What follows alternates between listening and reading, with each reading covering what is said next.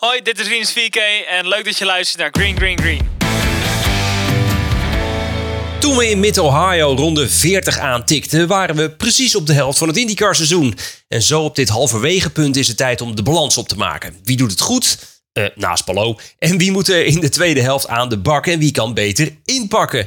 We bespreken het allemaal. Duiken ook volop in het silly season voor 2024. En bespreken met Rinus van Kalmthout zijn seizoen tot nu toe. Dat en meer in aflevering 41 van... Green, green, green, green. We're four wide going into turn number one. Harry Lyondike wins the Indianapolis 500. His very crunches team up. CJ around the outside in the carousel. Are you kidding? What a move! Dit is Green Green Green, de podcast. Met Jeroen Demmendaal, Henri Faun en René Hoogterp. Ja, welkom en leuk dat je weer luistert naar de IndyCar podcast van Nederland. We hebben 10 races gehad en nog 7 te gaan. En hoewel Alex Palou het kampioenschap al kan ruiken, gebeurt er van alles achter hem. En lijken we wel een heel silly season tegemoet te gaan. Genoeg om te bespreken dus. En dat doe ik gelukkig ook deze keer weer niet alleen. Virtueel links van mij zit autosportschrijver Jeroen Demmendaal. Jeroen, ehm Nee, jij hebt je niet geschoren naar de winst van Lundgaard, zie ik. Uh, nee, uh, want ik ga me pas scheren. Net als Christian Lundgaard, als ik mijn eerste IndyCar race gewonnen heb. Dus uh, nou ja, dat kan nog even duren. dat kan nog even duren. Goed man, mooi dat je er weer bij bent. en virtueel rechts van mij zit iemand die ik deze weken wel erg vaak zie. de man die ervoor zorgt dat wij in Nederland ook indirect de boordradio van Rinus kunnen meekrijgen. En eigenlijk ook iedereen om hem heen. Henri Faun, welkom. Ja, hallo, daar zijn we weer. Weer? Lekker ja, weer. Het zijn drukke weken. Afgelopen weekend een race in Toronto. Komende, komend weekend twee races in Iowa. Nu weer hier. Het wordt nog bijna gewoon werk. Ja, dat moeten we eigenlijk niet hebben. Hè? Nou, gelukkig is uh, IndyCar in die zin de mooiste bijbaan van de wereld. Uh, en we hebben dit seizoen al heel veel moois voorbij zien komen. Een kleine geheugenopfrisser. Het is green, green, green in St. Piet. Met een vliegtuigauto door de lucht. Ja, natuurlijk gaat ze elkaar in de muur drukken. Dit had je van mijlenver aan zien komen. Lekker zeg, deze herstart. Ja, zo is het hectisch. Oh, 3 1 maar weet hij er wat te maken? Oh, wordt! Nee, jongen! Carl Kirkwood, vanaf zijn allereerste pol rijdt hij naar zijn allereerste IndyCar-overwinning. Zet hem aan de binnenkant. Grosjean gooit zijn auto ertussen. We hebben vijf races gehad. Vijf verschillende winnaars. Kanada, ja. boven het grafstel. Wat doe je nou? Oh! Rines ramt daar en zichzelf en Palou uit de wedstrijd. Nieuwgarden pakt hem. Hij pakt hem. VK pakt daar Grosjean, wordt er op het gras gedeeld door de Francesco. Alex Palou wint ook in Mid-Ohio. Jeetje mina. Nou, wie zien we hier allemaal staan? Grosjean klapt hem in de muur. Einde verhaal. Echt uh, niet het weekend van Romain Grosjean hoor. Zo. Grosjean. Ach, ach, ach zeg. Oh, nou, dit heb ik al te vaak moeten zeggen dit seizoen. Grosjean in de muur. En Christian Lundgaard wordt een nieuwe IndyCar-winnaar. Ja, en zo eindigden we met die mooie eerste overwinning voor Lundgaard. Een, uh, ja, toch misschien wel een verrassende, maar wel een terechte overwinning, hè Jeroen? Uh, ja, absoluut. Kijk, onterechte overwinningen bestaan wat mij betreft sowieso niet in topsport. Hè? De regels zijn voor iedereen hetzelfde. En als je aan het einde van het ritje als eerste over die streep komt, dan maakt het niet uit hoe. Maar dan heb je gewoon gewonnen. Maar ja, kijk, uh, Lundgaard had eigenlijk vanaf zaterdag de touwtjes in handen. hele overtuigende pole position in die ontzettend rommelige kwalificatie. We kregen ook wat vragen van luisteraars die zeiden van... Waarom duurde dat zo lang tussen Q1 en Q2 en waarom leggen ze dat niet beter uit? Um, het enige antwoord dat ik daarop heb, ik heb geen idee. Maar ik, ik ben er ook iedere keer, erg ik me er weer aan. Maar goed, ja, toen stond hij op pole en dat deed hij eigenlijk uh, prima. Uh, uh, kwam natuurlijk vervolgens doordat je verschillende pitstops dat tactieken had en een aantal yellows kwam die um, nou ja, op een rare plek terug. Um, maar moest hij zichzelf weer naar voren vechten. en op overtuigende wijze, ergens in rondje 60, 65, nam hij de koppositie weer over. En daarna hebben we hem nooit meer gezien. Um, uh, ja, hij was gewoon de beste van het zegje. En ik moet, om eerlijk te zijn, ik moest bijna een beetje denken aan, aan Rinus van Kalmthout in die eerste seizoen zelf van 2021. Als ik Lundgaard zo aan de slag zie dit seizoen. Daar heb ik wel eens van gehoord van die jongen.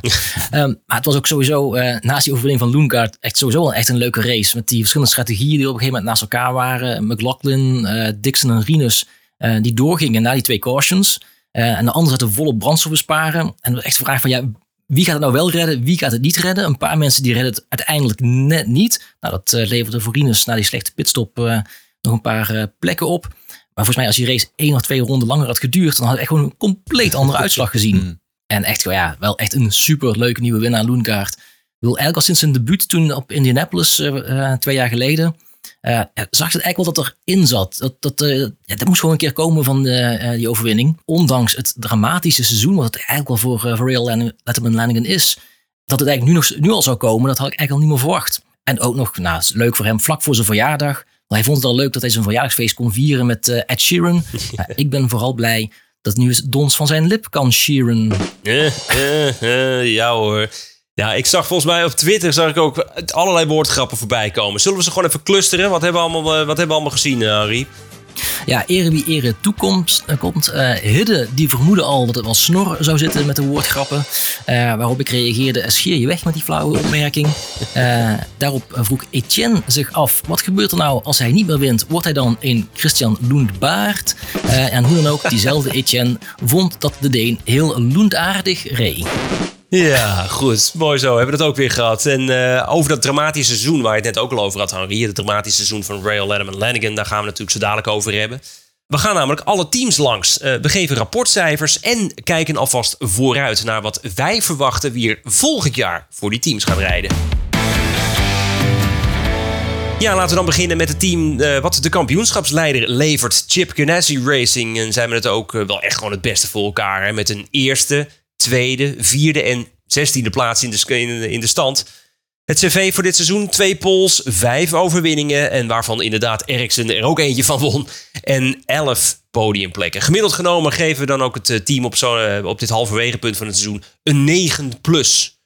Ja, Jeroen. Ja, nou ja, eh Ganassi ongeëvenaard eigenlijk in 2023. Hè? Je zegt het al, hè? Alle drie, ehm, ze hebben alle drie hun vaste rijders in de top 4 van het kampioenschap staan. Ehm, vorig jaar was dat Penske, dit jaar is dat Ganassi die dat voor elkaar krijgt. En, en Armstrong is natuurlijk hè, een rookie, eh, eh, rijdt maar een, eh, een deelseizoen, maar laat ook mooie dingen zien. Ehm, nou ja, Dixon, ehm, die heeft nog niet gewonnen met zijn nieuwe engineer, Ross Bunnell. Dat is, die heeft hij overgenomen van David Malukas en Coin Racing van vorig jaar. Maar ja, Dixon doet wel gewoon nog steeds heel veel Dixon dingen. En dat is vooral razend constant zijn. Eigenlijk, je kan hem eigenlijk standaard al invullen plekje 4 of 5 aan, de- aan, aan het begin van de race.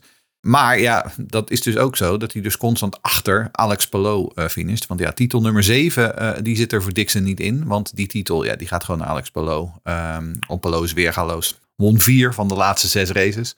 Ehm, als Rinus 4K eh, ehm, op Indianapolis niet in zijn zij had gereden in de pitstraat, dan had hij dus misschien wel vijf gewonnen in de laatste zes. Ehm, en vervolgens, en na St. Piet, elke race in de top vijf. In een klasse als IndyCar, als je dat voor elkaar krijgt, dat is echt waanzinnig. Nou ja, en als je dan nog twijfelde aan Alex Palou, dan dacht je na de kwalificatie op Toronto, ja, maar nu staat hij 15e, nu zal het toch wel, nu zal het toch wel een keertje fout gaan. Nee hoor, hij rijdt gewoon naar P2, eh, inclusief die, eh, die met die voorvleugel op half zeven. Ja, dat maakt wat mij betreft wel echt een, eh, een einde aan alle twijfel. Hij heeft nu ik 110 ka- punten voorsprong in het kampioenschap. Ja, die wordt gewoon kampioen. Ja, en wie wordt er geen kampioen? Ja, dat is dus eh, Marcus Eriksson. Ehm, want ja, die komt telkens ten opzichte van Palou net iets te kort. Hij won natuurlijk St. Piet.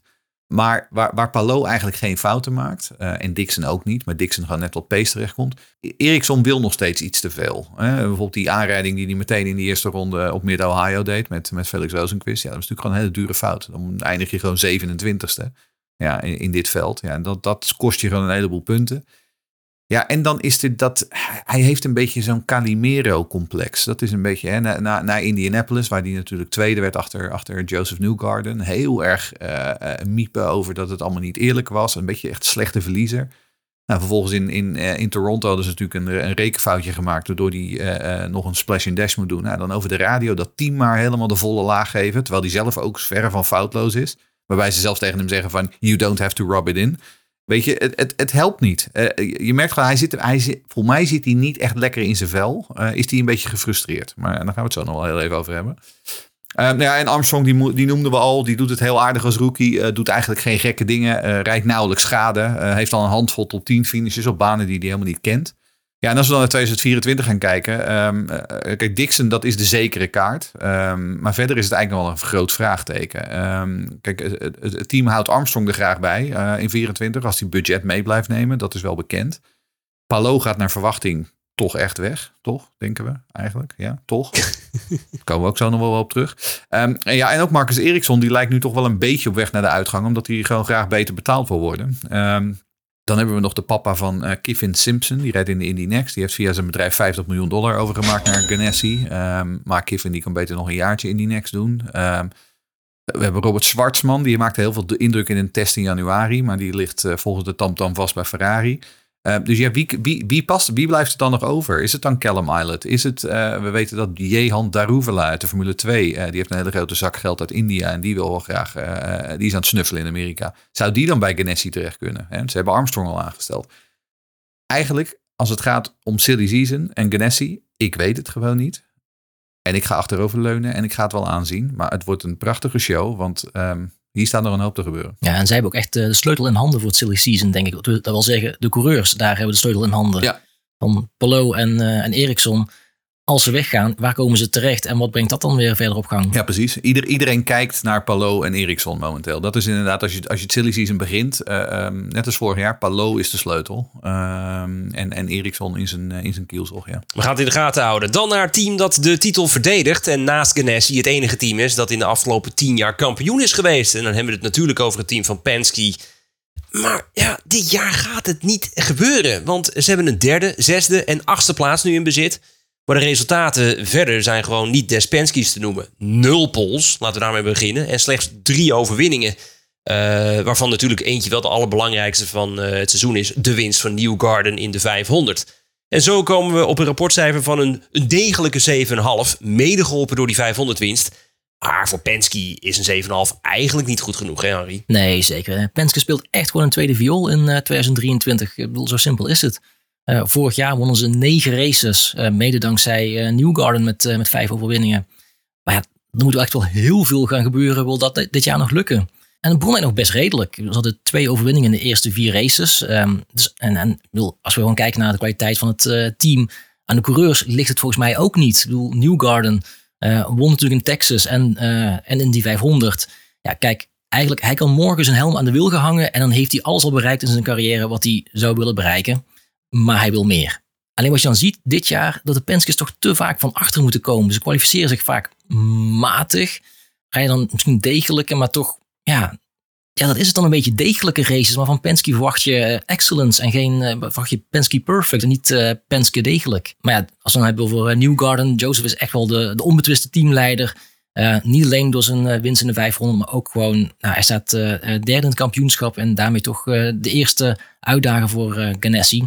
En vlak hem ook niet uit voor die komende twee races in Iowa. Hè. Nou ja, dan hebben we Power, ehm, de regerend kampioen.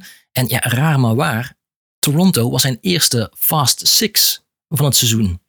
En dat is eigenlijk wel heel opmerkelijk voor eh, pole position koning eh, van IndyCar. Hij heeft het absolute record met meeste pole positions. Eh, hij wisselt verder drie podiums af met ja, ook een aantal totaal kleurloze races. En soms is hij ook buiten de baan iets meer in het nieuws dan op de baan. Eh, bijvoorbeeld eh, Road America. Ik weet niet of we het clipje nog een keer erin kunnen gooien, want het, het blijft genieten. And Grosjean is a piece of crap. He needs a punch in the face. Ze heeft af en toe wel sterke races, maar voor de echte top komt hij dit jaar toch eh, telkens iets te kort. En dan tenslotte McLaughlin. Hij won op Barber. Had ook kunnen winnen in St. Pete. En in Toronto deed hij toch ook wel lekker mee. Maar ja, daarnaast hebben we eigenlijk redelijk weinig van hem van voren gezien. Eh, maar hij blijft zich wel echt gewoon goed ontwikkelen. Eh, hij oogt wel als, als iemand die nog een stuk of eh, tien jaar mee kan bij Penske. Hij is gewoon een solide coureur. Eh, snel, maakt geen of weinig brokken. Ja, zeg precies zoals Tim Cindric en, Roger Penske het heel graag zien. En nou als je dan dat team hebt met Newgarden, Power en McLaughlin, dan heb je ook geen silly season nodig. En dat hebben ze dus ook niet bij Penske, want als enige team volgens mij van, van vrijwel alle, staat dit team gewoon vast. Ook voor de komende jaren hebben ze hun coureurs nog vastgelegd. Ook Will Power, dat is misschien een beetje verrassend. Eh, hij is toch een beetje in de, in, de, in, de, in de herfst van zijn carrière. Het is ook volgens mij nooit officieel bevestigd dat hij bij Penske nog een doorlopend contract heeft. Ehm, en er zijn ook geruchten dat hij, dat hij een nieuw multi-year deal heeft met wat ze dan noemen een sunset clause. Dus dat hij eh, richting de, de zonsondergang kan gaan en dan op een gegeven moment uit de auto in een nieuwe rol kan komen. Dat eh, zag je bijvoorbeeld ook bij Rick Mears aan het einde van zijn carrière. Dan krijgt hij een adviseursrol of een andere rol binnen het team. Ehm, ik hoop overigens heel vurig dat dat voor eh, Will Power een rol als media-adviseur is. Dat Iedereen gewoon alleen nog maar rants gaat geven. He needs a punch in the face. Mooi. Goed, we, we gaan naar het volgende team. En we wachten eigenlijk al een tijdje op de grote opmars van Arrow McLaren. Want daar hebben we het over. Dit jaar zelfs met een extra auto, met niet de minste rijder die erbij is gekomen in de persoon van Alexander Rossi. Maar het is tot nu toe maar magertjes gebleven hoor. Niet meer dan een vijfde, tiende en twaalfde positie in de ranglijsten. Eén keer een pole position, zes keer op het podium gestaan. Maar ze staan nog compleet droog qua overwinningen. En veel meer dan een zesje kunnen we Arrow McLaren dan ook niet geven, Jeroen. Nee, ehm, kijk, aan, het begin van het seizoen zat ik mijn Toto-formulier in te vullen. En toen ging ik eh, mogelijke overwinningen invullen. En ehm, na tien races nog geen enkele zegen voor het superteam Arrow McLaren. Ja, dat had ik niet op mijn, eh, op mijn Toto-formuliertje staan. Ja, het is eigenlijk heel bizar. Ehm, kijk, Pato Award werd wel al drie keer tweede. Um, zat er dus een aantal keer heel dichtbij. Maar Pato heeft ook, is ook alweer gewoon heel erg Pato. Is soms ook wel heel erg wild. Hè? Had natuurlijk dat incident met, met Dixon in, in, in, eh, in Long Beach. En ook dat andere incident waarbij hij zichzelf kan achterstevoren zetten. En dan natuurlijk die aanrijding met, met Ericsson in Indy. Um, en hij mist dus, vergeleken met bijvoorbeeld een Palo of een Newgarden. Uh, die hebben die stabiliteit wel. Die, hebben, die hadden misschien vroeger in hun carrière ook nog wel een beetje die wilde veren. Maar die zijn er gewoon uit. En daardoor zijn zij wel titelkandidaat. En is Pato Award nog steeds geen echte titelkandidaat. En dat zie je ook terug in de stand. Mm, ja, hij heeft echt van die, van die pieken en dalen. Maar op zich die pieken, dat is wel vaak ook wel genieten. Als hij in vorm is, uh, bijvoorbeeld in Texas of in Mid-Ohio. Nou, Mid-Ohio, hij gooit het zelf helemaal uh, in het putje. Of nou, liever gezegd in de, in, de, in de goot naast de baan in de kwalificatie.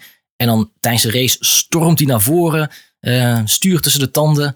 Ja, als hij dan nog gewoon iets vaker van de kop af zou kunnen doen, dan zou hij een stuk beter voor ja. Hij, is een beetje, hij doet een beetje denken aan Paul Tracy. Uh, Paul Tracy was in zijn beginjaren ook razendsnel, maar hing ook eh, de helft van de tijd in de muur. Uh, en daardoor duurde het eigenlijk geloof ik eerst tot half jaar 2000 dat hij een keer een kampioenschap neer binnenharkte. En ik, ik, ik, het zou heel vervelend zijn als het voor Pato ook zo lang gaat duren. Um, en dan hebben we natuurlijk zijn teamgenoot Rossi. Um, had toch wel gewoon een moeizame start. Uh, heeft echt opstartproblemen gehad bij McLaren. Uh, maar het begint nu toch af en toe lijkt het toch wel te gaan draaien. Uh, puur qua echte resultaten. Hij heeft pas één podium te pakken. pas vier top vijf finishes. Dus het is ook weer niet zo dat hij naar echte sterren van de hemel rijdt. Maar het lijkt ook wel zo dat hij die pechvogel die hij bij Andretti had, dat hij die heeft meegenomen. dat hij zo in zijn kootje gewoon dat hij meegekomen is naar Aaron McLaren. Want wat er fout kan gaan, dat gaat ook fout bij Alexander Rossi. Um, en Toronto bijvoorbeeld, laatste race, opeens gewoon weer een een of ander technisch malheur op een die hele auto die, die, die zet zich heel gewoon uit. Dus ja, en, en dit is ook Rossi. Rossi, als we het dan hebben over mediaadviseurs en dat soort dingen. Rossi is heel slecht in het uh, verbergen van zijn frustratie. Rossi heeft een heel slecht pokerface. You feel like you guys had the pace to advance given the conditions, even though we haven't seen that so far this weekend? Yeah, man, I think, yeah, it should have been easy P1 advance, no problem. Um, en ja, je kunt bijna zeggen uh, dat zijn seizoen eigenlijk al een beetje voorbij is. Want hij staat nu uh, tien in het kampioenschap, dus de titel kan hij wel vergeten. Um, dus ja, dan maar in 2024 voor een kampioenschap gaan. Ja, nou, seizoen al voorbij, weet ik niet. Ik, volgens mij dit seizoen staat echt in het teken van, van opbouwen. Uh, aan het begin van het jaar hadden ze echt gewoon een, een groepje mensen die nog nooit uh, aan een IndyCar had gesleuteld. Sommigen hadden zelfs nog nooit aan een auto gesleuteld, geloof ik. Hebben ze bij elkaar gebracht om zijn team op te bouwen. Dus dat ging echt heel moeizaam in het begin. En je ziet, nou ja, af en toe dat hij wel die draai begint te vinden. Maar inderdaad, ja, die pechvogel. Volgens mij kweken ze die daar gewoon bij anderen. en dan uh, geven ze die gewoon aan iedereen mee die daar, uh, die daar binnenkomt, die daar vertrekt. Dan krijg je zo'n vogeltje. Een vogeltje mee. Ja. Nee, maar ik, ik zie het nog wel gebeuren. Of misschien gun ik het hem gewoon ook wel dat hij nog uh, aan het einde van het seizoen misschien toch nog ergens met een beetje geluk, als hij dan die vogel een beetje kan laten vliegen, toch nog een paar goede resultaten kan neerzetten. Ja, dat en dat dan als een aanloopje richting 24. En daar, daar moet je op hopen inderdaad. Nou ja, en dan hebben we nog de derde Arrow McLaren. Dat is dus de auto van Felix Rosenquist. Um, is op zijn beste dagen echt bijna niet te vatten. Is echt heel snel. Um, maar is ook wel heel erg wisselvallig. Hè? Kwalificeert zich vaak heel goed. En dan vervolgens in de race dan gaat hij uh, gewoon de muur in. Of hij gaat achteruit. Uh, Texas, pole position. Indy, uh, front row. Beide keren eindigt hij gewoon in de muur.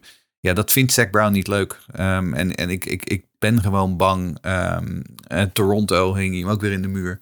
Uh, weliswaar dan tijdens de training, maar ja, dan moeten ze de auto weer helemaal ombouwen. Weet je, het helpt gewoon niet. Kijk, en staat, hij staat niet voor niets een stuk achter zijn teamgenoten. Weer. Dat is eigenlijk altijd zo. Dat is ook in de voorgaande jaren zo. Hij is altijd de, de, de, de langzamere van het setje geweest. Ja, en in 2024 is dus... We zijn, we zijn dus vrijwel zeker dat Alex Palou instapt uh, voor, in plaats van Felix Rosenquist. Al gaan er nu... Ik heb de afgelopen dagen weer wat appjes met mensen heen en weer gestuurd. Er gaan nu weer verhalen dat Palou heeft gedacht van ja, nou dat F1 verhaal dat wordt toch niks. Weet je wat, misschien dat ik wel gewoon bij Ganassi kan blijven. Dus dat hij eigenlijk zeg maar hetzelfde wil doen als vorig jaar, maar dan precies omgekeerd. Ja, ja. Maar er zijn ook weer verhalen van nee hoor, dat contract met McLaren is waterdicht en dat gaat gewoon gebeuren en klaar. Nou, hoe dan ook. Ik, ik vul nog steeds Palou gewoon bij McLaren in. Maar zelfs als Palou niet komt, weet je, dan vraag ik me af of Felix Rozenquist wel terug zou keren en of die wel in die auto zou blijven. Want ik heb wel het idee dat de wederzijdse prik een beetje van de is en dat ze een beetje, dat, vooral Felix echt wel gewoon een, een herstart nodig heeft. Nou, en we weten ook dat hij, maar daar komen we zo nog wel op terug. Hij staat op de radar bij een aantal andere teams op de grid. Uh, dus we zien Felix Rozenquist sowieso wel terug volgend jaar. Maar of dat bij McLaren is, dat waag ik te betwijfelen. Van het ene tegenvallende team naar het andere. Want ook bij Andretti wachten ze op een terugkeer als echt een volwaardig lid van de grote drie. Maar ook dit jaar gaat het hem niet worden, want ze hebben de negende, elfde en dertiende plaats. Oh ja, en met de Francesco ook nog een 22e plaats in de ranglijsten. Ja, en als we naar het cv kijken voor dit jaar, eh, het gaat met de Pols wel goed, hè? Vijf stuks Monies, maar slechts één keer wisten ze dit jaar ook daadwerkelijk naar Victory Lane te gaan. En dat is met Carl Kirkwood notabene. Uh, ja, dus we kunnen eigenlijk eh, niet veel meer dan een zesje geven voor het team van Andretti. Henri? Nee, dacht u dat uh, 2022 al een redelijk rampjaar was voor Andretti met een uh, negende, tiende, dertiende en 23e plek in de eindstand? Nou ja, je noemt het net, nu halverwege 2023 zijn het hetzelfde, ja. eigenlijk vergelijkbare plekken. Ik bedoel, ze zijn gewoon geen klap opgeschoten. Dat is heel raar, want ik weet nog een paar podcasts geleden hadden nog over van, oh, is Andretti terug? Uh, ze had echt een heel sterk begin van het seizoen. Uh, en nou, eerlijk is eerlijk, op vrijdagen en zaterdagen zijn ze vaak ook heel snel. Uh, ze stonden de helft van de races, zoals je zei, op pole position. Alleen als het erom gaat, als de knikkers verdeeld worden op zondag, ja, dan weten ze zichzelf echt telkens vakkundig in de eigen voeten schieten. deels door eigen rijdersfouten, deels door fouten van het team. ja, als ze echt mee willen met andere topteams, dan moeten ze die fouten echt gewoon verminderen. En ze echt andere stappen moeten gaan zetten. Um, dan even kijken van uh, wie hebben we ook weer uh, rijden voor Andretti en Kirkwood. Kou Kirkwood! Dat is dan de enige overwinning. En dat was ook een flinke overtuigende overwinning in Long Beach. Maar ook in Detroit en op Indy was hij ijzersterk. Maar ook nog wel een beetje wisselvallig. Hij heeft toch die wisselvalligheid die hij bij Voigt vorig jaar had... ook nog wel meegenomen. Een paar, een paar niet al te handige acties in, in Road America, Toronto. Dat hij een stomme actie heeft. Vervolgens krijgt hij een stop-and-go penalty. En haalt het team een stomme actie uit als aan de, aan de auto gaan sleutelen tijdens een stop-and-go, waardoor hij nog een keer moet binnenkomen. Zo brengen alles bij elkaar, wat gewoon allebei niet handig is.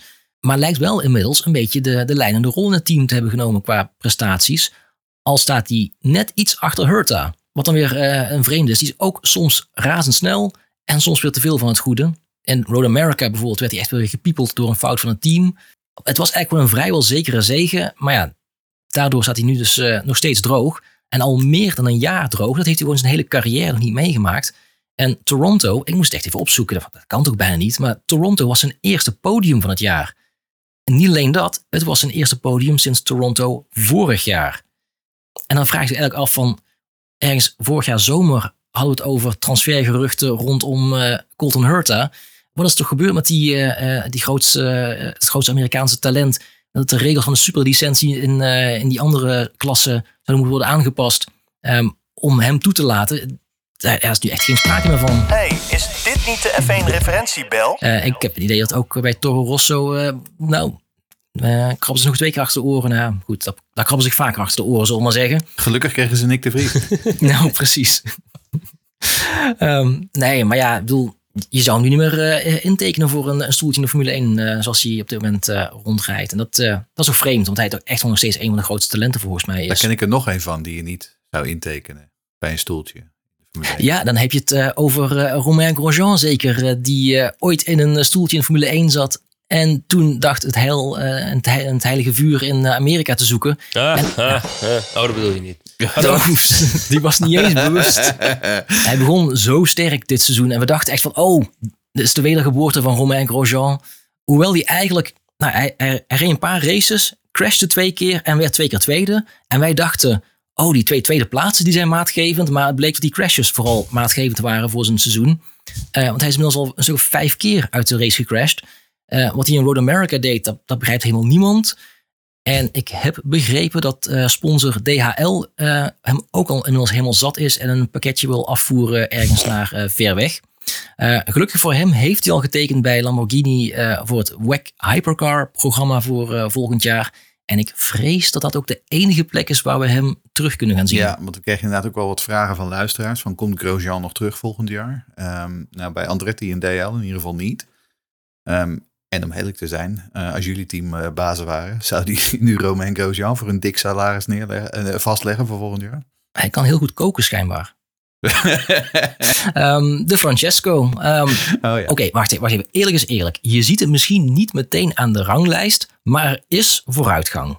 Dat betekent in het geval van de Francesco dat hij inmiddels gewoon soms degelijk is.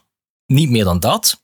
En dat betekent dat hij echt doorgaans niet goed genoeg is. Maar af en toe heeft hij zijn momenten dat je denkt van, oh, hij kan in ieder geval een beetje redelijk meekomen. Eh, hij staat ook geen laatste meer in de stand. Dat stond hij vorig jaar natuurlijk wel. Ook voor hem geldt, dit is ook gewoon zijn laatste jaar bij, eh, bij Andretti. Ehm, want Andretti heeft al aangekondigd dat ze af willen van het systeem van een betalende coureur. Ze willen gewoon vier coureurs in dienst nemen. En de Francesco, die betaalde natuurlijk eh, grif voor zijn stoeltje.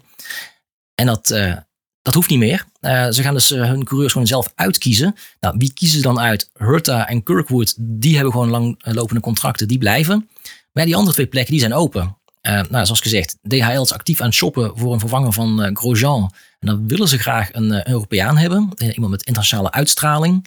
Ehm, nou, bij Andretti wordt ook Ericsson steeds hardnekkiger genoemd. Andretti wilde zoals gezegd af van de paydrivers. En Ericsson wil graag betaald worden. Nou ja, dat klinkt als een match. En ja, laten we wel zijn. eh Ericsson in plaats van eh, Devlin Francesco is op zich een prima upgrade. Ja, en wie dan nog meer eh, in beeld is een Islet, een Malukas of... Nou, ik gooi hem er toch gewoon even in. Rinus, misschien nog een optie voor Andretti. Eh, interessant. Ja, we zullen het zien. We gaan naar het volgende team. Als er één team is dat een rollercoaster seizoen heeft meegemaakt, is het wel het team van Royal Letterman Lanigan Racing. Een werkelijk waardeloos eerste half jaar, maar met een absoluut verdiende overwinning afgelopen weekend. Ja, het kan verkeren. En ze hebben, als we naar de ranglijsten kijken, nu een zevende, veertiende en 23e positie. En naast de overwinning van Lundgaard pakt hij ook nog eventjes de twee pols voor het team. Al met al, nu dus een voldoende. Eh, krapjes een voldoende. Maar als je op de eerste races moet afgaan, dan is het echt behoorlijk ondermaats te doen, hè Jeroen? Ja, ik, ik zat eh, zondagavond na Toronto, eh, zat ik in de persconferentie van, eh, van IndyCar. En daar kwam eerst Christian Lundgaard natuurlijk aanschuiven. Maar later kwam ook Bobby Ray al aanschuiven. En die vertelde ook over nou, hoe dit seizoen geweest is. En die zegt, ik had er in mei, dus toen ze helemaal onderaan stonden tijdens de Indy 500. Hij zegt, ik had er echt slapeloze nachten van. Hij zegt, eigenlijk echt, echt eh, mentale problemen. Hij zegt, ik heb het echt, echt heel slecht gehad omdat hij natuurlijk gewoon verantwoordelijk is voor dat team, verantwoordelijk is voor de relaties met sponsors, verantwoordelijk is voor best wel, het- ze hebben best wel een hoop werknemers, waarvan die er dus ook een aantal heeft moeten laten gaan. Ze hebben echt wel flink ingrijpend ingrepen daar. Een flinke verschuivingen, hebben wat mensen ontslagen. Dat wil, doe je liever ook niet.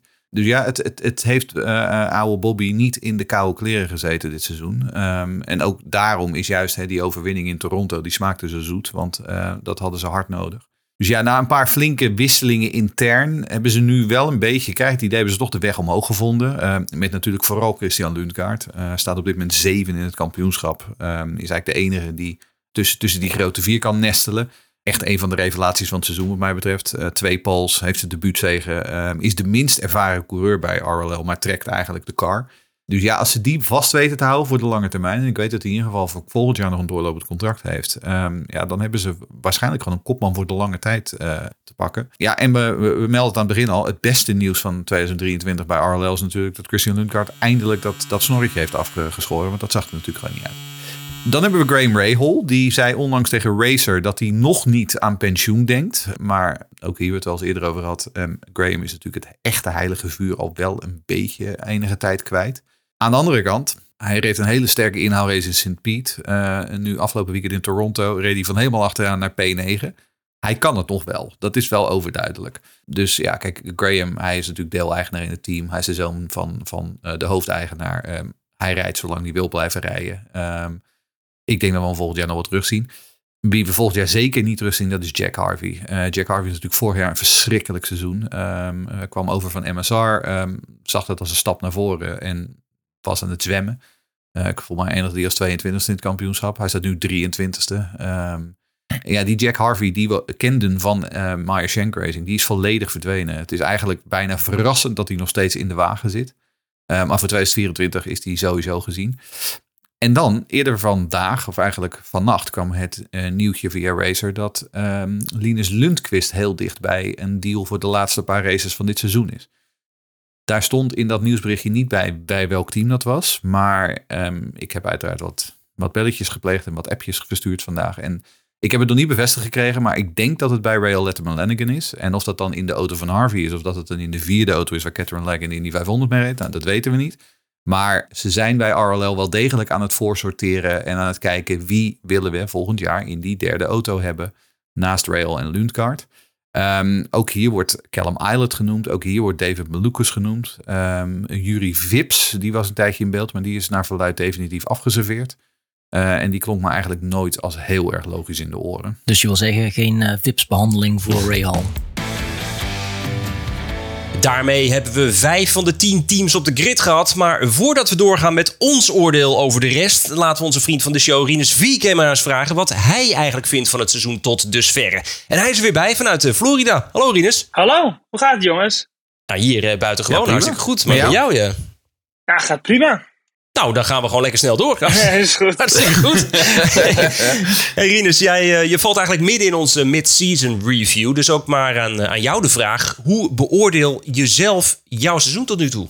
Uh, ja, tot nu toe. ik ben nog niet helemaal tevreden. Het is gewoon niet goed genoeg. We hebben één top 10 en dat is dan de Indy 500. En voor de rest, nou ja, ik denk dat iedereen het wel heeft gezien. Is het, zijn we gewoon niet snel genoeg. Dus ja, er wordt hard gewerkt. Maar op zich wel een, een een prima stap gemaakt om, ja, als, als de Air Jacket had gedaan, een, uh, een top, top 8 denk ik wel te kunnen hebben in Toronto. Dus uh, in ieder geval, dat zag er wel goed uit. Uiteindelijk, er is nog veel werk aan de winkel, maar ik zie verbetering in de, in de horizon. Ja, we zijn veel met cijfers aan het strooien. Als je zelf cijfers zou moeten uitdelen, van 1 tot 10, uh, wat voor cijfer zou je jezelf geven en wat voor cijfer zou je je team geven? Ja, dan denk ik toch wel mezelf. Ik denk toch wel een 8, 8,5 ik vind als ik naar mijn eigen, eigen rijden kijk, ja, dat ik echt wel stappen heb gemaakt vergeleken met vorige seizoenen. Ja, alleen toch wel een paar kleine foutjes gemaakt het seizoen natuurlijk in die 500. Dus uh, dat, zijn dus die, uh, dat is de aftrek. Voor de rest, uh, ja, ik denk het team, ja, klinkt misschien heel hard, maar ik denk toch wel een 4. Want ja, het is ook echt gewoon niet goed genoeg. We, we, rijden, we rijden te ver achteraan om, om echt die top 10 in te komen. Dus dat is, uh, ja, als dat een goed resultaat is om net een top 10 te halen, dat is dan uh, zeker wel een uh, downgrade vergeleken met vorig seizoen. Ja, want Martin Spierings, dat is de eerste luisteraarsvraag, die, die denkt een trend te zien. die zegt, ja, het lijkt tijdens de races als, alsof Rines, maar ook andere rijders, niet meer zo makkelijk naar voren kunnen komen tijdens de race dan in voorgaande seizoenen.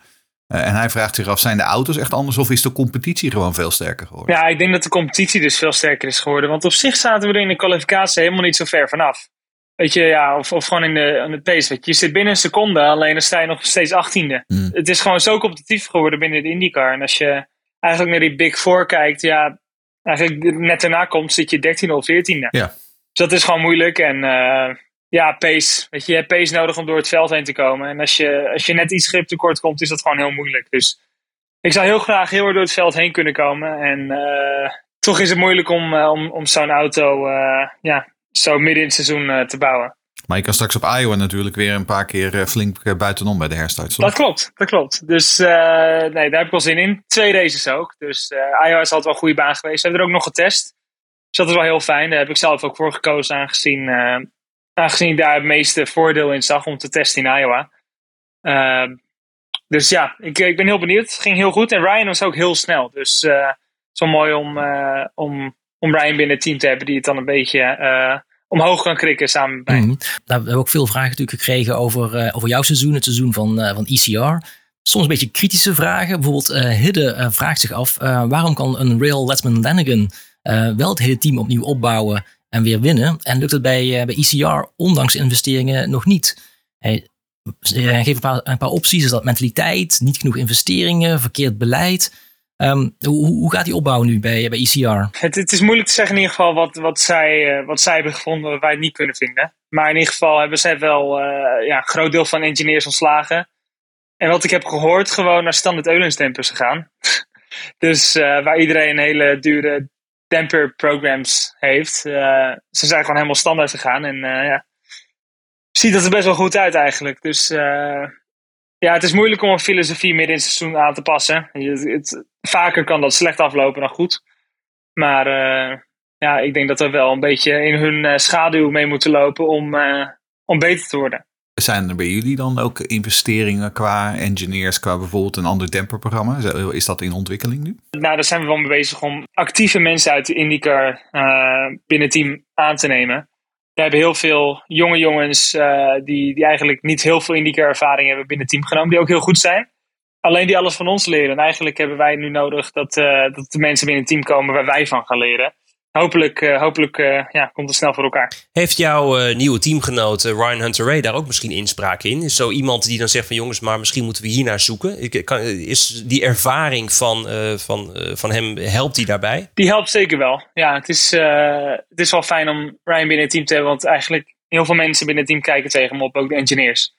Dus zijn stem is toch wel... ja, iedereen luistert wel naar alles wat hij zegt. Dus dat is wel fijn.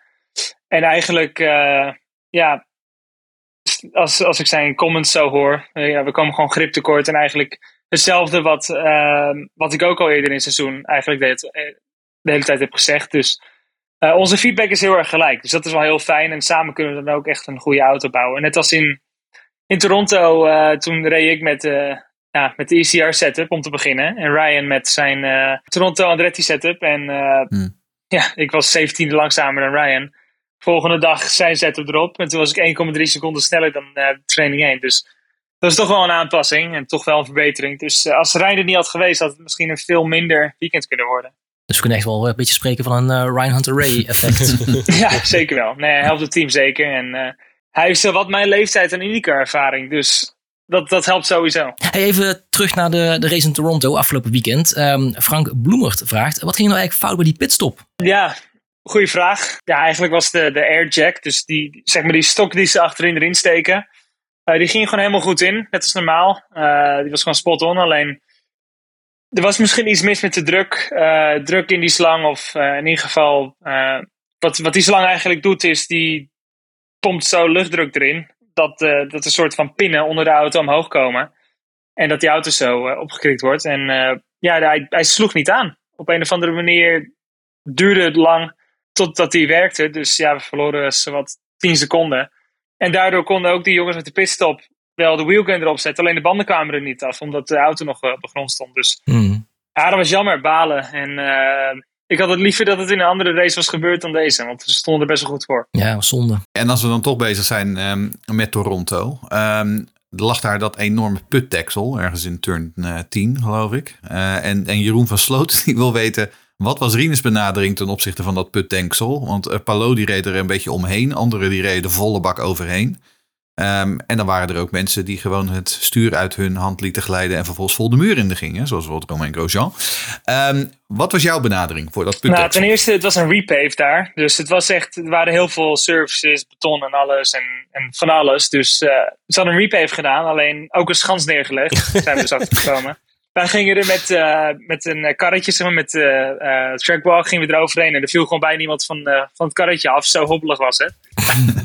dus ja, dat, dat was wel apart. Dus ja, benadering was toch... Um, ja, op het begin van de, begin van de training ben ik meteen al... Ik probeerde een paar keer buitenom.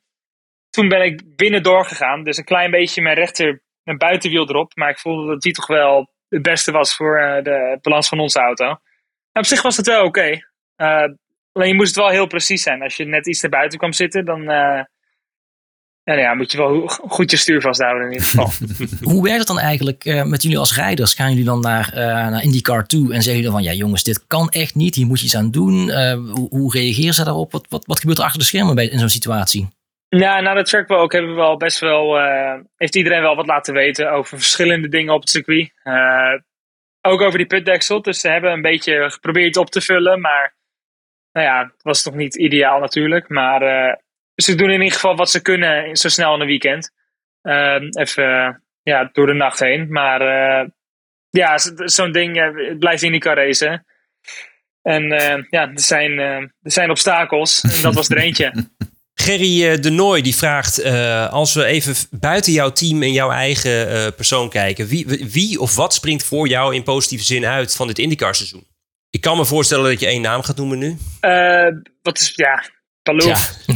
als, je, als je die ziet, ja. Ja, heel knap. Het is, gewoon het is gewoon een beetje frustrerend dat je dat ziet. Ziet er zo makkelijk uit. En eh, doet hij het ook nog eens met een kapotte voorvleugel. Jij hoopt dat hij naar de Formule 1 vertrekt natuurlijk. Dan is hij weg. En dan is hij wegwezen. Nou ja, ook, maar het lijkt me extra leuk om hem eh, over een paar jaar te verslaan. nou, je hebt hem al een keer verslagen, toch? Weet ik, maar ik voor een kampioenschap. De, we hebben het wel eens voor elkaar gekregen om één race te winnen of, eh, of een paar races op het podium te zitten. Maar qua hele seizoen eh pace hebben we niet genoeg gehad om, om binnen de top 10 te komen. Dus het lijkt me wel leuk om, eh, om die eh, 2020 rookie battle een beetje over te doen. Zijn er nou echt dingen die jij van hem kan leren als je hem zo in actie ziet? Bijvoorbeeld onboard beelden of iets? eh, of is het echt gewoon zo verschillend tussen Ganassi en ECR dat het eigenlijk gewoon twee verschillende werelden zijn? Ah, het is moeilijk te zeggen. Het is meer die Honda motor. Die, eh, die throttle pick-up is gewoon een stuk anders. En op straat is het vaak beter. Dus eh, daar kunnen we wel van leren. Eh, we hebben het ook vaak over tegen, eh tegen Chevy. Ja, als ik hem zie moet ik wel heel erg aan Scott Dixon denken. Ik zie wel dat dit een soort van eh, eh, student is van Scott Dixon. Als je zij ziet hoe die rijdt, hoe die benzine spaart. En zijn slechtere leermeesters, hè, dus ja. Precies, en Scott Dixon die wordt elke race vierde. Ik weet niet hoe het voor elkaar krijgt, maar hij wordt altijd vierde. En ja, dat is eh, ook een kwaliteit. Maar ik zie wel dat eh, Alex Palou toch al iets meer eh, dat, dat vuurtje heeft. Misschien ook, ja, zit hij echt midden in zijn prime. Maar ik moet heel erg aan Scott Dixon denken als ik hem zie rijden. Dus eh, ja, het zal wel een, een, een Ganassi-rijstijl zijn geworden. Ja, want je ziet ook hoe hij doseert met, met zijn snelheid. Dat ik zag op een gegeven moment in die eerste stint, jij zat de hele tijd ongeveer drie, vier seconden achter hem. En opeens begon hij gas te geven. En toen een paar ronden later was het opeens 10 seconden. Ja, En dan zie je opeens dat hij dat hele gat naar, zich, naar die gasten voor hem heeft hij opeens dichtgereden. klopt. Dat is echt, dat is heel bizar. Nou, dat was dus ook zo moeilijk afgelopen weekend in Toronto. Eh, op de zwarte band, ik kon net zo snel als hun zijn, begin van de stint.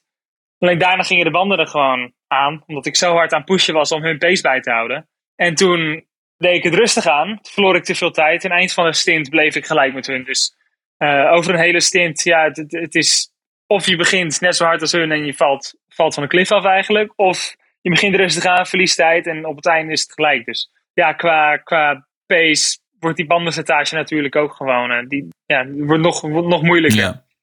Hey, ehm, we hadden het net al heel even over. Eh, Iowa komt er nu aan natuurlijk. Ehm, en Dennis Broekhart die vraagt, hoe bereid jij je voor op eh, die races die zo kort op elkaar volgen? Want je hebt dan in één weekend heb je twee races. Eh, zijn er dan veranderingen in voeding? Pas je je trainingsregime aan enzovoort? Ja, ja, ik pas mijn trainingregime wel aan. Ik pak nog best wel rust dit weekend. Dus ik doe eigenlijk mijn trainingen die ik normaal ook zou doen op een maandag. Als, als we geen race hebben aankomende weekend. Maar dan met lichtere gewichten en minder intensiteit. Om gewoon nog een beetje, eh, nog wel een beetje de spieren te triggeren, maar niet, eh, niet, eh, ja, niet kapot te zijn of te veel spierpijn te hebben. Ja, heel veel drinken, want het wordt ook heel warm in Iowa, altijd. En eerst waren het nog mooie night races, maar nu is het midden op de dag. Dus ja, dat is een zware. Ga je nog naar Ed Sheeran toe? Of? Ja, eh moet even kijken. Vaak na de race ben ik te druk bezig. Maar voor de race is er ook wel altijd een eh, concert. Ja, dus vorig jaar stond ik samen met Scott McLaughlin. Stonden we in ons, eh, in ons racepak. stonden we.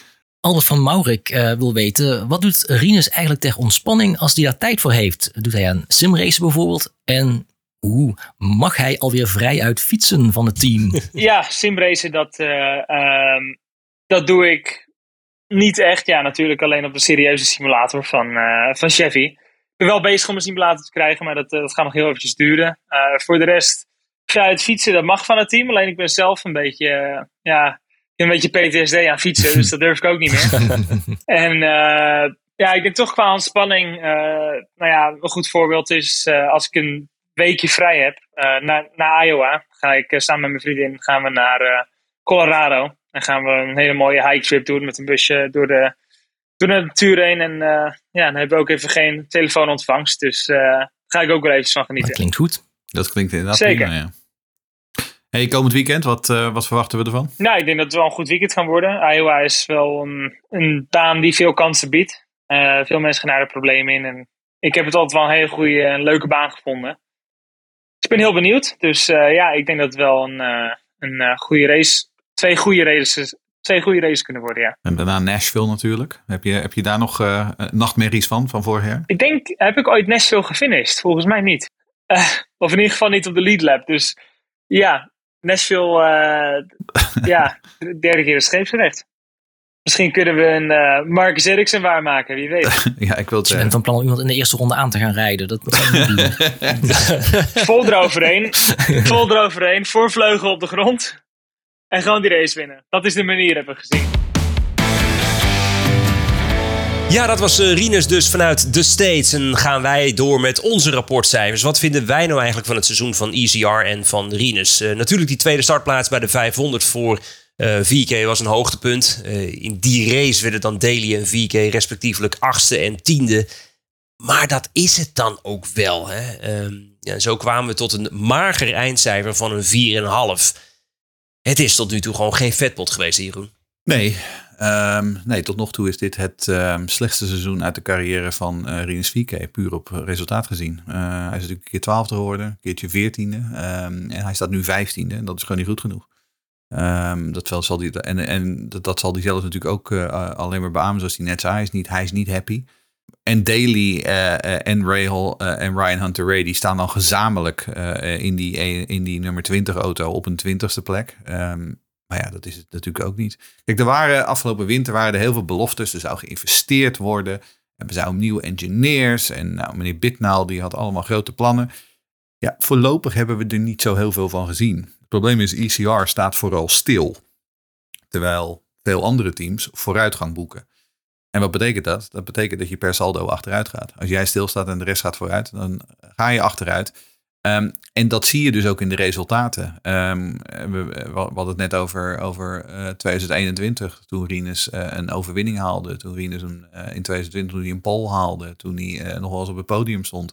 Dat is er gewoon niet meer bij. Hij kan, hij kan daar niet meer tussen zitten. Kijk, wat Rinus zelf doet eigenlijk weinig fout. Haalt doorgaans het maximale uit de wagen. Um, hij zei het zelf al. Hij maakte wat kleine foutjes. Uh, hij noemde zelf Indi Indianapolis. Ik denk dat St. Pete, dat was er ook al eentje. Dat was een kleine misrekening toen Joseph Newgarden me probeerde in te halen. Maar afgezien daarvan um, heeft hij heel veel pech gehad ook. Uh, in Long Beach kapotte brandstofpomp. In Detroit werd hij aangereden door Hurta, terwijl hij daar een prima race reed. In Toronto had hij dan die slechte pitstop waar hij, waar die prima reed. Dus met wat meer geluk had hij een aantal top 10's kunnen rijden. Maar die echte luis in de pels van de topteams zijn, ja, dat is met dit materiaal momenteel gewoon niet mogelijk. Dan hebben we Connor Daly. Uh, er staat hier in ons draaiboek dat hij eindelijk Wieber is. Nou, in ieder geval bij uh, ECR. En ik denk dat dat een goede zaak is. Maar um, zoals we ook eerder vandaag hoorden, Simon Pagino is nog steeds niet goed. Uh, gaat nog steeds niet goed daar. Dus ook Daly is er terug in Iowa bij Mike. Maar Daly was al drie jaar lang de zwakke schakel op het rijdersvlak bij ECR. Uh, heeft zijn hand overspeeld uh, in, in, relatie tot Bitnile, zoals we in onze vorige show uitgebreid hebben uitgelegd. Ja, die, dat was gewoon de logische keuze om hem weg te sturen. En zijn vervanger, Ryan Hunter Ray, die maakt een duidelijk verschil. En bijvoorbeeld in Toronto, Rinus stelde dat net ook, je, je zag die nieuwe benadering. Hè? Ze gingen in FP1 allebei met een totaal andere setup de baan op. Ryan Hunter Ray was veel sneller. En dus switchte Rinus naar die setup. Maar dat is dus weet je wat de ICR echt nodig heeft. Andere structuren, iemand die anders kijkt naar hoe het team uh, fungeert en werkt. En ook gebruik maken van die ervaring die een Hunter Ray heeft. Wat ICR ook heel erg nodig heeft wat mij betreft is dat Ed Carpenter gewoon een keer zijn helm aan de wil gehangt. Want dat lijkt me ook een afleiding. Uh, kijk, dat hij een extra auto voor de 500 uh, wil hebben tot in lengte vandaag. Dat vind ik allemaal prima. Maar uiteindelijk, wat mij betreft, die derde wagen um, moet gewoon fulltime naar een andere coureur. Uh, moet mee. ECR heeft groei, heeft ontwikkeling, heeft investering nodig. Wat betekent dat dan voor 2024? Nou, waar, we het voor, waar ik het vorige keer in ons vorige jaar al uitgebreid over gehad heb. Uh, Rinus heeft dus een doorlopend contract voor 2024. Um, ja, maar kan hij dan niet gewoon een ander team, uh, Jeroen? Ja, tuurlijk. Kan wel, ja. ja misschien, wordt, het wordt ook wel eens tijd dat hij een keer dat hij gewoon overstapt. Ja, ja precies. Um, kijk, niets is onmogelijk. Um, maar als iemand hem wil hebben voor volgend jaar, dan zullen ze moeten loskopen. Dan zullen ze bij Ed met een grote zak geld aan moeten komen en zeggen van, hier heb je een zak geld, wij willen die, uh, die jongen uit Hoofddorp hebben. Gaat dat gebeuren? Ik weet het niet. Um, maar um, in principe rijdt Rinus in 2024 uh, gewoon bij Ed Carpenter Racing. Dat is hoe het er nu voor staat. Nou, wat betreft RHR is in principe een tijdelijke oplossing. Um, en het zou best kunnen dat hij voor 2024 dat, dat, ze, dat ze hem erbij willen houden als hij echt heel erg uh, goed gaat presteren. Maar in principe is hij aangetrokken als een tijdelijke oplossing. Ze hebben natuurlijk eerder dit seizoen hebben ze uh, Linus Lundqvist getest op Sebring. Um, we weten dat hij hoog op die lijst staat voor die tweede auto. En tegelijkertijd hoor ik ook dat David Malukas aan het snuffelen is bij ECR. Um, en dan vooral samen met zijn papa en diens grote zaken Imperium HMD. Ja, en dan ga ik denken, dan ga ik nu even dromen. Eh, David Malukas, Rinus VK, samen in een team met wat grote HMD-sponsors erop. En dan misschien Linus Lundqvist in een derde auto. Dat zou toch wel een mooi team zijn. Op zich zou het natuurlijk een heel leuk en jeugdig team zijn. Maar eigenlijk zou ik liefst nog wel iemand met ervaring erbij houden. Zo'n- als je dan hoort wat Rinus ook vertelde over Hunter Ray. Van dat hij dan eh, gewoon dingen van Andretti heeft meegenomen. Niet alleen maar pechvogels, maar ook gewoon echt kennis. Ehm, ja, dat, dat zou je ook gewoon echt voor die doorontwikkeling voor komend jaar nog wel willen zien. Eh, gewoon die eerste races van komend jaar ook nog iemand met ervaring erbij. En dan een keer die stap naar, eh, naar een jeugdig team maken. Dan zit je straks weer met de situatie met een daily eh, die niet aan de ontwikkeling van de auto kan doen. Nou, dat kun je natuurlijk ook van een, eh, een niet per se verwachten. Malukas weet ik ook niet hoeveel je daarvan kunt verwachten op het gebied van ontwikkeling. En dan moet het weer van Rinus komen. Ik heb liever gewoon nog iemand... eh, ik zou Ryan Hunter Ray dan nog wel eh, een jaartje willen zien. Als je, als je aan mij zou vragen. Maar ja, Ed vraagt het niet aan mij. Niet? Nee. Dat is heel vervelend. Dan een team wat ook het afgelopen jaar eh, ontzettend zich ontwikkeld heeft. eh, qua management sowieso, maar ook een, een simpelweg een verdubbeling van het aantal auto's. Van 1 naar 2. Met een verrassende rookie, maar ook een belofte die, eh, als het mij ligt, een beetje langzamerhand wat eh, lijkt in te dutten. Enfin, een 7 min hebben we eh, voor het team van Junkos Hollinger Racing. Want het mooie is, we hebben het over Callum eh, een paar keer gehad in de lijstjes. Maar ik vind hem de laatste tijd een beetje kleurloos, niet? Henri? Ja, hij begon wel heel erg goed met een vijfde plek in St. Piet. Maar ja, waar je het ook ziet dat het er wel redelijk aan schort, eh, is dat ze in de kwalificatie geen enkele keer uit Q1 zijn gekomen. Ja, dat, eh, dat breekt dan uiteindelijk ook wel een beetje op. Het is eigenlijk wel een 7 min, wat nog best een redelijk hoge score is. We zijn best kritisch eh, vandaag, maar het is ook, we relateert ook aan de verwachting. En ehm, nou ja, eh Junkos is natuurlijk een klein team, ehm, waarvan je eigenlijk geen hele hoge verwachtingen mag hebben. Dus het feit wat ze presteren, Ehm, is op zich nog best goed, want ze schoten echt eh, prima uit de startblokken in St. Pete en Texas. Echt een heel sterk begin met eh, twee top 10 finishes voor, uh, voor Islet. Maar dus inmiddels een beetje terug op aarde. Ze zijn nu teruggezakt naar uh, 17e en 21e in de stand. Nou, misschien zou je kunnen zeggen daar waar ze een beetje horen. Ja, dan waren er ook nog die berichten over dat ze een paar belangrijke engineers hadden ontslagen een paar weken geleden. Dus nou ja, het is een team in ontwikkeling, zullen we maar zeggen. En er zit echt wel uh, vooruitgang in. In bij wat we toch wel het, uh, misschien het Telstar van de IndyCars uh, kunnen noemen. ik weet, krijg nu Telstar hooligans achter me aan. Nee hoor, nee, die heb ik volledig onder controle. Oh, gelukkig. Die vinden dat alleen maar mooi. Nee, maar dus zoals je zei, Islet startte prima. Daarna komt de klad erin. Um, ja, en vooral op Indy ging natuurlijk lang tijd echt voor geen meter. Uiteindelijk, als je dan naar de uitslag kijkt, dan werd hij wel nog netjes twaalfde. Maar meteen de week daarna had hij echt een hele domme fout in Detroit toen hij een beetje intiem kennis maakte met de achterkant van Kirkwood uh, bij de start. En ook afgelopen weekend uh, weer een fout in Toronto. Uh, hij viel toen uit na een late crash. Afgezakt. Is, is het een dipje? kunnen we nog iets verwachten voor de rest van het seizoen? Een beetje lastig. Um, nou ja, en zoals je ook zei, van, van een beetje... Um, nou, de, de, populariteit van Islet aan het begin van het jaar werd hij overal genoemd. Dat is een beetje afgenomen. Nou ja, als je dan kijkt wie het relatief wel heel erg goed doen. Maar wat hebben we ons vergist in Augustin Canapino? Ik bedoel, volgens mij voorafgaand aan het seizoen hadden we hem al opgeschreven als uh, voortdurend uh, het veld voor zich uitjagen. Uh, niemand verwachtte ook maar iets van hem. Ja, ik zelf stiekem ook niet. Maar ja, hij is niet voor niks een Argentijnse toerwagenlegende. Hij is echt een rascoureur. En dan zie je toch dat dat soort talent ook um, ja, zich vertaalt naar IndyCar. Um, hij is ook niet alleen commercieel interessant voor, uh, voor Junkos, want hij brengt uh, aardig wat uh, centjes mee. maar hij rijdt gewoon hele sterke races. onder andere Texas, Indy. Hij is, hij is drie keer in de top 12 geëindigd. En is ook gewoon een, een heerlijke vent. voortdurende glimlach, doet het goed in de media. en samen met Loengaard denk ik wel de, de revelatie van het seizoen. Maar daar, als we, als we het nou toch over hooligans hebben, zijn fans zijn soms wel een beetje hooligans. Die Argentijnen, dat is een beetje raar volk. Eh, gepassioneerd noemen we dat dan, hè? ik, ik, heb niet naar de luistercijfers gekeken hoeveel luisteraars we in Argentinië hebben, maar ze zijn allemaal welkom en ze zijn heel gepassioneerd. Als ze maar netjes houden. En als ze netjes houden, dan mag Canapino voor mij ook gewoon blijven. En ik denk dat het ook wel zal gebeuren. Ik ben echt heel benieuwd wat hij in jaar twee kan doen als hij wel ervaring heeft en wel alle banen kent. Nou, zoals gezegd, uh, Islet leek op weg uh, naar de uitgang naar een groter team. Werd genoemd in het geruchtcircuit bij uh, Ganassi, Andretti. Maar dat is een beetje bekoeld. Hij heeft ook geen budget wat hij kan meenemen, geen centjes. Dus het zou zomaar kunnen dat voor komend jaar uh, Junkos met dezelfde line-up uh, zal rijden. Er zijn overigens wel verhalen, heb ik gehoord, dat uh, ze ook op zoek zijn naar een samenwerkingsverband met een ander team op technisch vlak. om dan eh, te kijken of ze daarmee nog wat eh, meer stappen kunnen maken. Een beetje in de stijl zoals eh Shank met Andretti heeft. Die ook samen in de debriefs zitten en eh, technologie en dat soort zaken delen. Het team van AJ Foyt is een team wat de laatste jaren sowieso eh, nou, behoorlijk achter in het veld eh, rondrijdt. Eh, hebben dit jaar niet een al te imponerende rookie, maar wel een interessante 500 voor het team met een vrije derde plaats voor Ferrucci in die race. Maar goed, een seizoen is veel meer dan alleen een 500 en dus staan ze 18e en 27e in de stand nu. Ze staan niet structureel laatste. Soms valt het eigenlijk best mee. En dat laat nou precies ons rapportcijfer zien. Een beetje zoals mijn HAVO-eindlijst. Een 5,5. Jeroen. Eh, ja, eh, nou ja, je noemt het al. Hè? Eh, 18 en 27 in de stand. Ehm, en dat is ook precies in de volgorde waarin je ze verwacht. Want Ferrucci staat 18e. eh, die heeft die derde plek in de Indy 500. eh, terwijl Benjamin Peterson eh, helemaal onderaan staat. Peterson heeft eh, twee finishes in de top 20. Eh, hij werd 15 in Texas en 20ste in Detroit. Eh, en dat is het. Ehm, en ja, weet je, is het heel gek? Nee. Maar wat wel zo is, kijk, doorgaans, eh, we, noemen Voigt altijd een beetje het lelijke eentje van het veld. Maar eh, met name Ferrucci eh, laat natuurlijk soms echt gewoon leuke dingen zien. Ehm, ja, tijdens de Indy 500 was hij zelfs gewoon kans hebben voor de zege in die slotfase.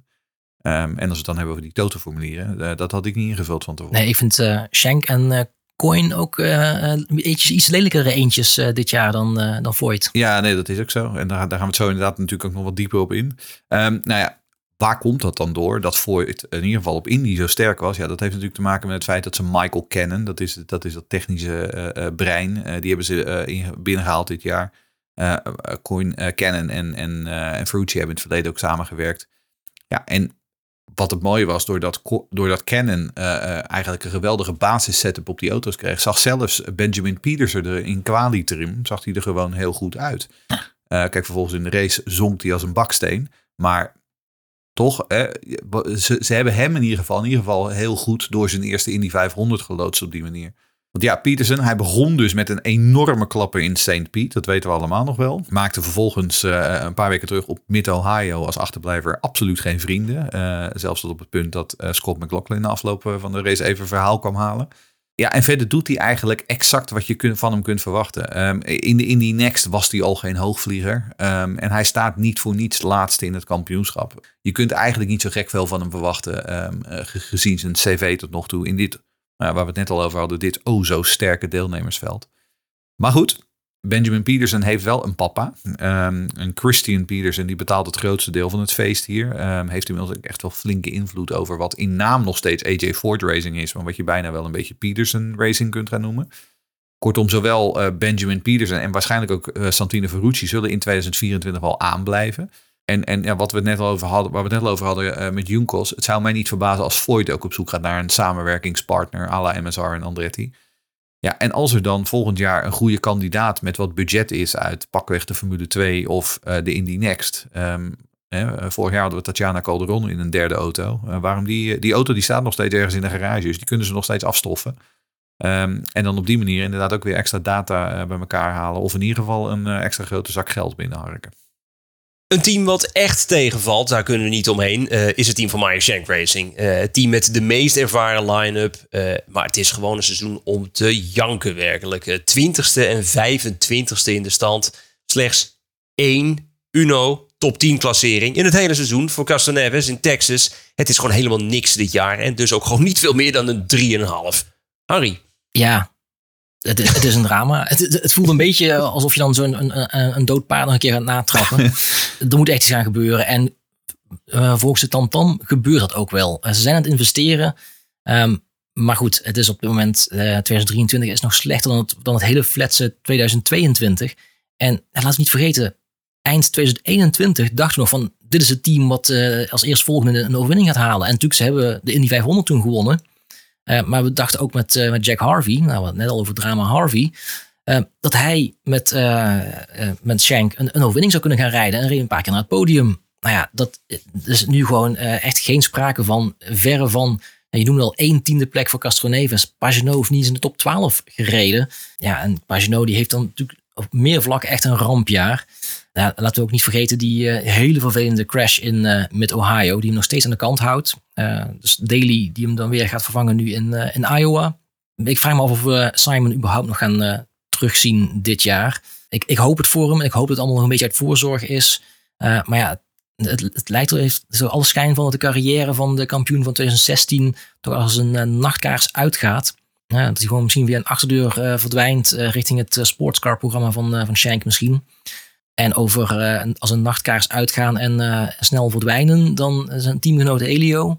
Ja, waarom die überhaupt nog in de wagen zit, weet eigenlijk niemand. Nou, daar is eigenlijk één reden voor. Dat is omdat hij die Indy uh, won in 2021. Maar ja, die is eigenlijk gewoon klaar. Het, is, het is een beetje triest gewoon te zien dat zo'n legende, wat hij toch wel is, op deze manier rondrijdt. Dat, dat gun je hem eigenlijk niet.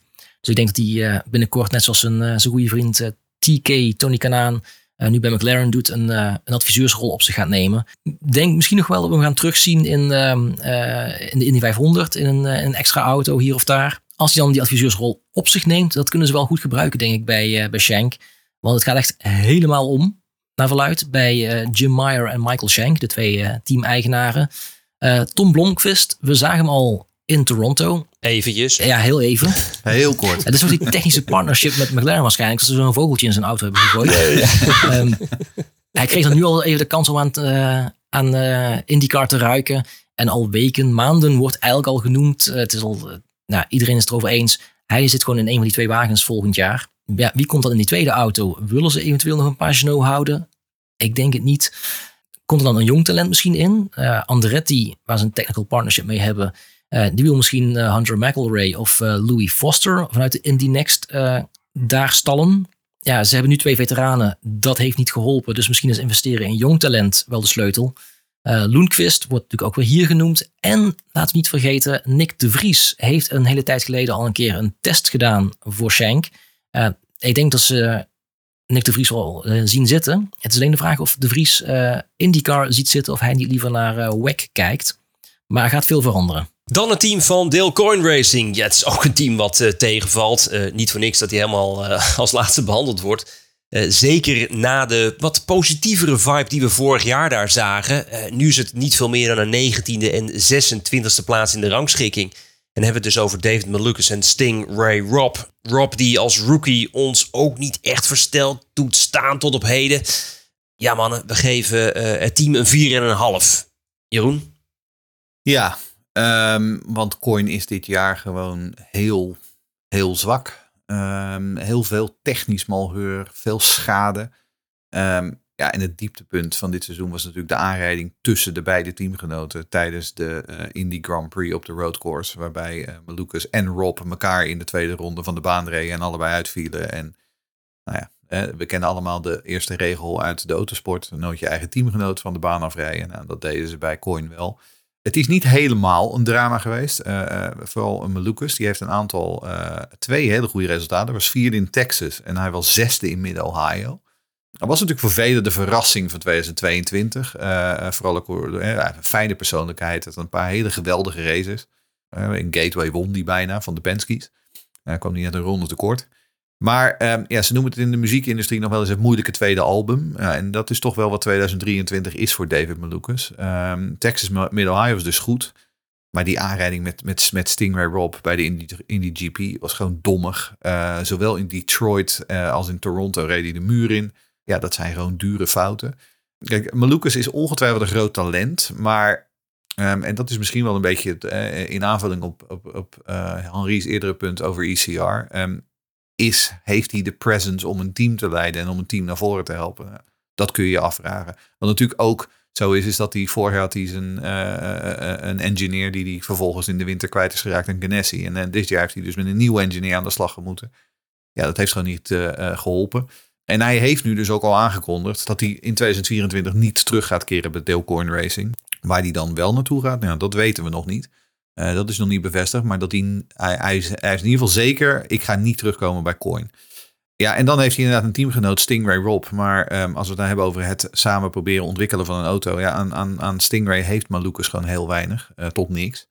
Uh, Stingray die betaalt ongeveer 4 miljoen dollar. Um, en, en in ruil daarvoor mag hij achteraan een beetje meehobbelen. Ehm, hij mist vaak gewoon snelheid. Je ziet regelmatig in de vrije trainingen. Je zag het nu in Toronto ook weer. Dat hij gewoon een seconde achter de rest van het veld aanhobbelt. Ehm, dat hij echt gewoon te- tekort komt. Eh, heeft al flink wat schade gereden. En vooral waar je altijd bij rookies naar moet kijken. Van, zitten er uitschieters tussen? Zitten er momenten tussen dat je denkt van ja, ja hier, hier zit wel wat potentie in. Nou, die zien we bij Stingray Rob gewoon niet. Ehm, eh, een beetje, beetje als Benjamin Peterson. Nou, daar staat hij in het kampioenschap twee punten voor. Dus tel uit je winst. Nou ja, voor 2024, ehm Malukas, die, die, die, die komt dus niet terug. En om eerlijk te zijn, ik steek mijn hand ook niet in het vuur voor een langdurig verblijf van, eh, van Stingray Rob. Ehm, want bij Coin is het altijd zo, wie heeft er geld en wie wil er wat? Eerder dit jaar, eh, of misschien was het zelfs al eind vorig jaar, heeft Daniel Frost uit de Indie Next, die heeft bij Coin getest. Eh, Daniel Frost komt uit Singapore, heeft ook een flink vermogen achter zich. Heeft een goede indruk gemaakt. Nou ja, en een betalende coureur, daar, draait, eh, eh, daar, haalt eh, Dale nooit zijn neus voor op. Ehm, Nolan Siegel staat momenteel bovenaan in, in, in die next. Die zal ergens willen landen met, zijn, met zijn scholarship als hij kampioen wordt.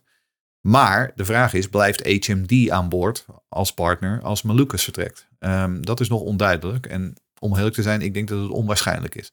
Ehm, en dat betekent dus dat Dale alleen nog Rick Ware Racing als zijn grote partner heeft. Oftewel bij Dale Coin.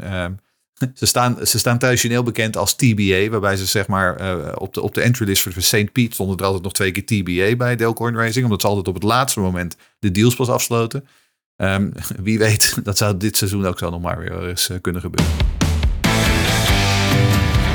En zo hebben we de teams gehad. Maar hoe hebben wij het eigenlijk zelf gedaan in ons officiële Green Green Green voorspellingenspel? Eh, met andere woorden, hebben we een tussenstand, Harry? Jazeker, die hebben we. Ik ben druk aan het rekenen geslagen. Ik heb eh, alle voorspellingen per race, ehm, eh, bijvoorbeeld ook de voorspellingen wie een race zal winnen, ehm, en de voorspellingen rondom de Indy 500 doorgerekend. En dan kon je maximaal tot nu toe 661 punten halen. Nou ja, zoals je weet, eh, we spelen met ons drieën tegen datgene wat het publiek gemiddeld als antwoord heeft gegeven. Ehm, en ik moet zeggen, we doen het helemaal niet zo slecht dit jaar. Eh, mag ik een, eh, een tromroffel? Want de score van de gemiddelde voorspelling tot nu toe is een schamele 86 punten van de mogelijke 661. Ruim daarboven staat René met 246 punten. En dus dan gaat het tussen Jeroen en mij, waarmee ik met trots kan zeggen dat ik slechts 27 punten achter sta op Jeroen, die 301 punten heeft. Dus tot nu toe Jeroen aan kop van ons drieën en het gemiddelde publiek. Maar wij zijn by far niet de best scorende individuele speler in het veld. Eh, want met maar liefst 531 punten gaat ruimschoots aan kop Jeroen zonder achternaam. Dus ben jij een Jeroen? Identificeer jij je als een Jeroen? of wil je een Jeroen zijn? Gefeliciteerd, want misschien ga jij wel aan kop in het Green Green Green voorspellingenspel. En nog een eervolle vermelding voor Etienne Peters, want die staat stijf onderaan op min 145 punten. Zet hem op, Etienne. Min Min 145. 145 punten. dat is, Eh, wat heeft hele- ingevuld dan? Met iedere race kan er een point swing van 75 punten plaatsvinden. Oh, dus het, alles eh, is nog mogelijk, wil je dus zeggen, Henri? Ja, alles is nog mo- er is zelfs nog meer mogelijk dan rondom de titel van Palo. Dat mag ik hopen. YouTube kijktip. Goed, tot zover alle tussenstanden. Tijd om weer te bingen. Want zoals gebruikelijk sluiten we af met de YouTube kijktip. Eh Harry, het is eh, jouw beurt deze keer. Eh, waar moeten we naar kijken? Ehm, nou, ik zat te kijken op de kalender en binnenkort staat natuurlijk het, het jaarlijkse botsfestijn in, in Crashville, Nashville op de agenda. Nu hebben we daar nog geen hele lange historie, dus kunnen we daar niet echt een eh, YouTube kijktip van ver verleden aan verbinden. Maar ik moest wel even denken aan twee jaar geleden hadden we die bijzondere overwinning van Ericsson, nadat hij eerst vol achterop Bourdais was geknald. En toen dacht ik, dit komt me bekend voor. Dus ik neem jullie terug eh, naar een tijd waar we niet heel vaak kijktips vandaan halen volgens mij. Namelijk de nadagen van Kart, die toen al een doorstart had gemaakt als Chamcar in 2007. Toen hadden ze een nieuw chassis, de Panos DP01. En vraagde aan iedereen die erin gereden heeft, die vond dat een geweldig chassis. En daarmee bezochten ze ook de straten van San Jose. En een vriend van de show, Robert Doornbos, reed ook mee. En moest na eh, problemen tijdens de kwalificatie helemaal achteraan starten. You couldn't ask for a prettier day to go racing in the Champ Car World Series. Welcome to the San Jose Grand Prix, presented by Redback Networks. The field is underway on the first of two reconnaissance laps. Nou, ik ga verder niks verklappen over de race voor wie, het, eh, wie hem niet kent. Een paar curiosa, eh, want naast eh Doornbos reden ook bijvoorbeeld Will Powers, Simon Pagino, Justin Wilson, Paul Tracy en nog een piepjonge Graham Rahal mee in die race. En over die laatste, ja, het zijn die leuke triviale feitjes. Als je hem terugkijkt en je luistert naar het commentaar, dan konden ze op een gegeven moment eh, een, een, ehm, een NHRA drag race aan, die ook wordt uitgezonden. En dat doen ze net nadat ze het hebben gehad over Graham Rahal. En ze noemen bij die aankondiging ook John Force, zo'n drag race legende. Wat we toen nog niet wisten, was dat Graham Rahal uiteindelijk de schoonzoon van John Force zou worden. Kijk, dat zijn van die leuke dingen, die pik je dan even mee. en in de categorie We worden oud, praat tijdens het commentaar ook over zo'n nieuw- nieuwe mobiele website die je kunt bezoeken als je zo'n nieuwe iPhone van de eerste generatie hebt. Zo lang geleden is het inmiddels ook alweer. Goed, mooi. Daar gaan we allemaal eh, kijken. Maar daar hebben we niet heel veel tijd voor. Want twee races dit weekend in Iowa. En twee weken daarna de races in Nashville. En dan wederom op de Indianapolis Road Course. Nou goed, daarna zijn we er weer. om te bespreken eh, of Palo al kampioen is. Of, of dat hij... Nee, dan is hij waarschijnlijk kampioen. Nou, Ja. eh, tot die tijd kun je ons al volgen op En of hij Twitter. bij via-. En of die, misschien, dat weten we ook, ja. We gaan heel veel eh, te weten komen de komende weken. Wordt leuk. Hou dus ook in, ons in de gaten via Twitter, hè, want er kan natuurlijk heel veel gebeuren. Eh, dat doe je via @indiepodcast.nl. Mocht je nog niet zijn, mocht je nog niet hebben geabonneerd op onze podcast, doe het dan ook vooral. Dan ben je meteen op de hoogte als er een nieuwe aflevering is. Eh, en mocht eh, ja, deze drie gasten, mocht het je bevallen die een beetje slap kunnen houden hoeren over IndyCar. Mocht je dat leuk vinden, laat dan even een 5 sterren review achter op Spotify, Apple Podcast of waar je het ook maar beluistert. Dat is wel zo fijn voor ons. Harry bedankt, Jeroen bedankt, jij bedankt voor het luisteren. En tot de volgende. Bye bye.